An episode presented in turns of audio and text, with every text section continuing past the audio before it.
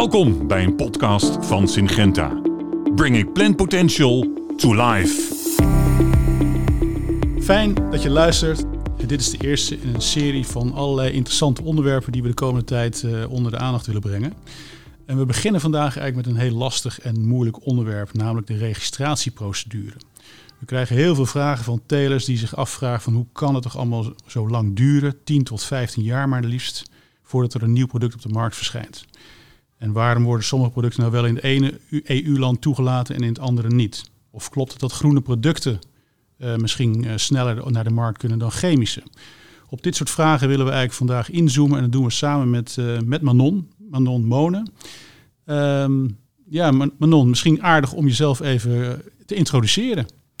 Ja, ik ben Manon Monen um, en ik werk als registratiemanager bij Syngenta. Hoe lang doe, je dat, doe je dat al? 19 jaar nu. Pardon, we zitten hier met een autoriteit uh, aan tafel. Dat zeg jij. Ja, wat leuk. Um, ja, waar, waar begint het eigenlijk allemaal? Misschien moet daar eventjes uh, de, de, start mee maken. Wat, wat, hoe, hoe start zo'n proces eigenlijk bij jullie? Uh, het start natuurlijk al in een heel vroeg stadium. Je, er wordt gescreend op, op nieuwe werkzame stoffen. Ja. Um, en, en dan komt zoiets in een ontwikkelingsproces traject uh, terecht. Um, uh, er worden studies gedaan, er worden uh, dossiers opgebouwd. En dat is natuurlijk al een, een, proces wat een aantal jaar duurt.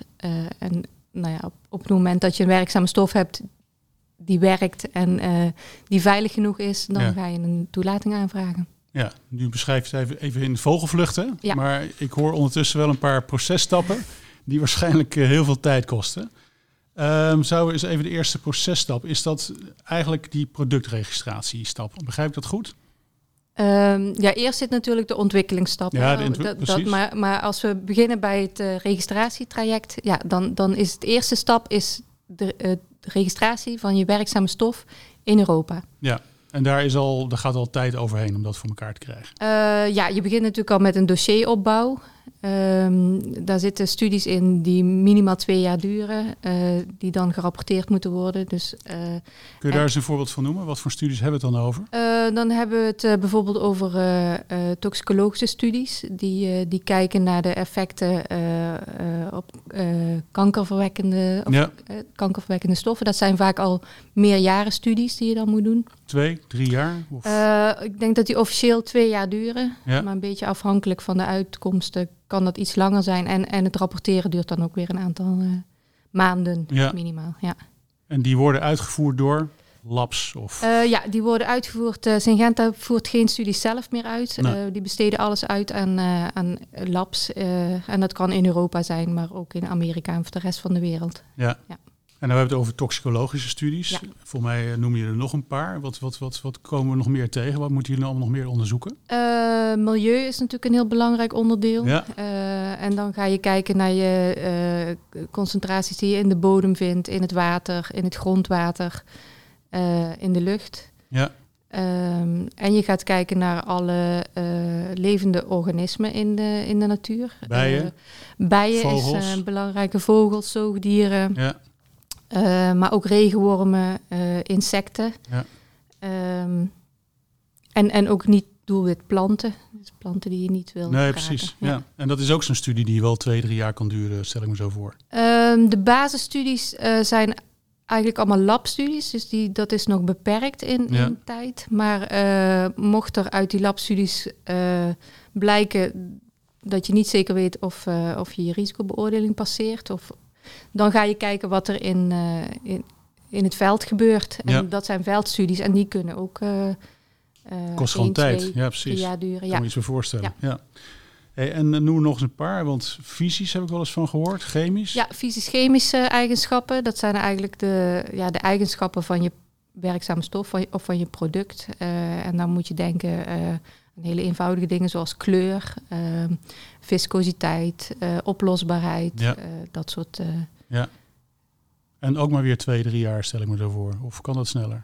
Um, dat zijn vrij korte studies. Ik denk dat Die dat het, het stukje van het dossier is wat het makkelijkst oh, is. Ja. dat is fijn. Het enige wat daar lang duurt is een, een houdbaarheidsstudie. Je moet wel aantonen dat je product twee jaar lang ja. houdbaar is. Ja. Eh, maar goed, dat kan, eh, dat kan in de loop van, van de tijd kan dat wel gedaan worden. Ja. Dat, eh, Dan zie ik er nog één staan, dat is residustudies. ja, residustudies. eh daar wordt natuurlijk gekeken naar eh, het residu wat uiteindelijk op je, op je plant zit hè, op, en in je voeding terechtkomt. Ja. En dat moet natuurlijk veilig zijn. Ja. Hè? We moeten daar als consumenten geen risico lopen. Nee, snap ik. Ja. Hey, en nu schets je dit zo. Dan kan ik me voorstellen dat heel veel van die dingen gewoon parallel lopen. Of is dat allemaal achter elkaar? Eh, veel dingen lopen parallel. Ja. Al die verschillende aspecten, dat, Ja. dat kan allemaal parallel lopen. Het enige wat achter elkaar loopt, is als je natuurlijk eh, eh, vervolgstudies moet doen, omdat je resultaten niet goed genoeg zijn of niet Ja. duidelijk genoeg. En dan stel ik me zo voor, hè, dan ben ik Taylor. Ehm, ik zou zeg maar zoiets hebben van: oké, ik ben Syngenta. Ik geef opdracht aan een lab om dat te laten onderzoeken. Eh, ik zou gewoon bij die labs proberen een soort voorkeurspositie te krijgen. Ik betaal gewoon wat meer. En eh, ik zeg tegen de lab: doe het maar gewoon in één jaar. Weet je, kun je dat op die manier het proces niet versnellen? Nee, zo werkt het niet. Eh, zo zitten wij als Syngenta ook niet in elkaar. Dat is niet, ehm, dat is niet onze policy. Nee. Ehm, eh, maar los daarvan zijn er gewoon hele duidelijke richtlijnen waar een studie aan moet voldoen. Ja, precies. Ze moeten ook allemaal CLP zijn. Dat betekent dat je dat, dat echt moet vastgelegd worden wat er, wat er uitkomt en wat de resultaten zijn en hoe je daaraan komt. Dus je kunt niet zomaar. eh, eh, dit klinkt, dit doen. klinkt als de de zorgvuldigheid van, van de wetenschap. Eh, ja, precies. Ja. Nou, die is ook nodig Ja. ook natuurlijk. Hey, en als dat klaar is, dan ga je naar de EFSA. De Europese Food Safety Authority. Eh, ja, je gaat in eerste instantie met je dossier naar een. dat, dat, je werkzame stofdossier ga je in Europa indienen. Dat, het is één land in Europa wat de beoordeling gaat doen. Eh, en daar, daar start het eigenlijk allemaal. ja. Eh, en als die beoordeling klaar is, dat duurt ongeveer anderhalf jaar. Als, eh, nou ja, dat is de kortste, Ja. minimaal anderhalf jaar. Dan gaat het naar de EFSA. Die coördineren dat proces verder. Dan komt er een commentaarprocedure voor de andere landen. Ehm, en eh, de EFSA is uiteindelijk degene die het eindrapport schrijft. ja. Goh, wat een, wat een stappen zitten er allemaal tussen, zeg. Ik, ik zou er heel ongedurig van worden. Het is een eh, zaak van lange adem. Dat, eh, En dan lees ik nog weer zo'n instituut, de SCOPAF. Als de, de EFSA-conclusie klaar is, dan gaat dat naar, in eerste instantie naar de commissie. En de commissie die, die verzorgt dan weer een procedure waarin alle lidstaten eh, kunnen meestemmen. Dus de, de commissie. eh, Stemmen. maakt- ja, de commissie maakt een voorstel. Eh, en, en de landen kunnen daarop stemmen. Ik, ik voel hier een soort drama opkomen. Nou, nou zijn we jaren bezig om al die wetenschappelijkheid te onderbouwen en van alle kanten te bekijken. En het is allemaal in orde. Ja. En dan gaan ze in de politiek gaan ze stemmen of, of men het wel of niet akkoord vindt. Eh, dat klopt. Ik zou bijna Eh, zeggen, draai het even om, begin met die politiek en ga dan pas met die studie beginnen. Nou ja, het is misschien een goed voorstel. Zo heb ik er nog nooit naar gekeken. Maar eh, eh, ik, ik denk dat het heel belangrijk is om alles te baseren op wetenschap. Ja, en uiteindelijk de laatste stap is, is, is toch meer een politieke stap. Ja. En daar spelen meer zaken een rol dan alleen maar Ja. dat wetenschappel- die wetenschappelijke beoordeling. ja, snap ik. Wonderlijk zeg. Ja. En dan heb je dan nog het college voor de toelating van gewasbescherming. Die gaat ook nog een rol spelen. Eh, ja, dat is Als het, het, als het goed gestemd is, zeg maar. Ja, dat is het, eh, het CTGB. Daar ga je uiteindelijk, dat, dat is de nationale toelatingsautoriteit.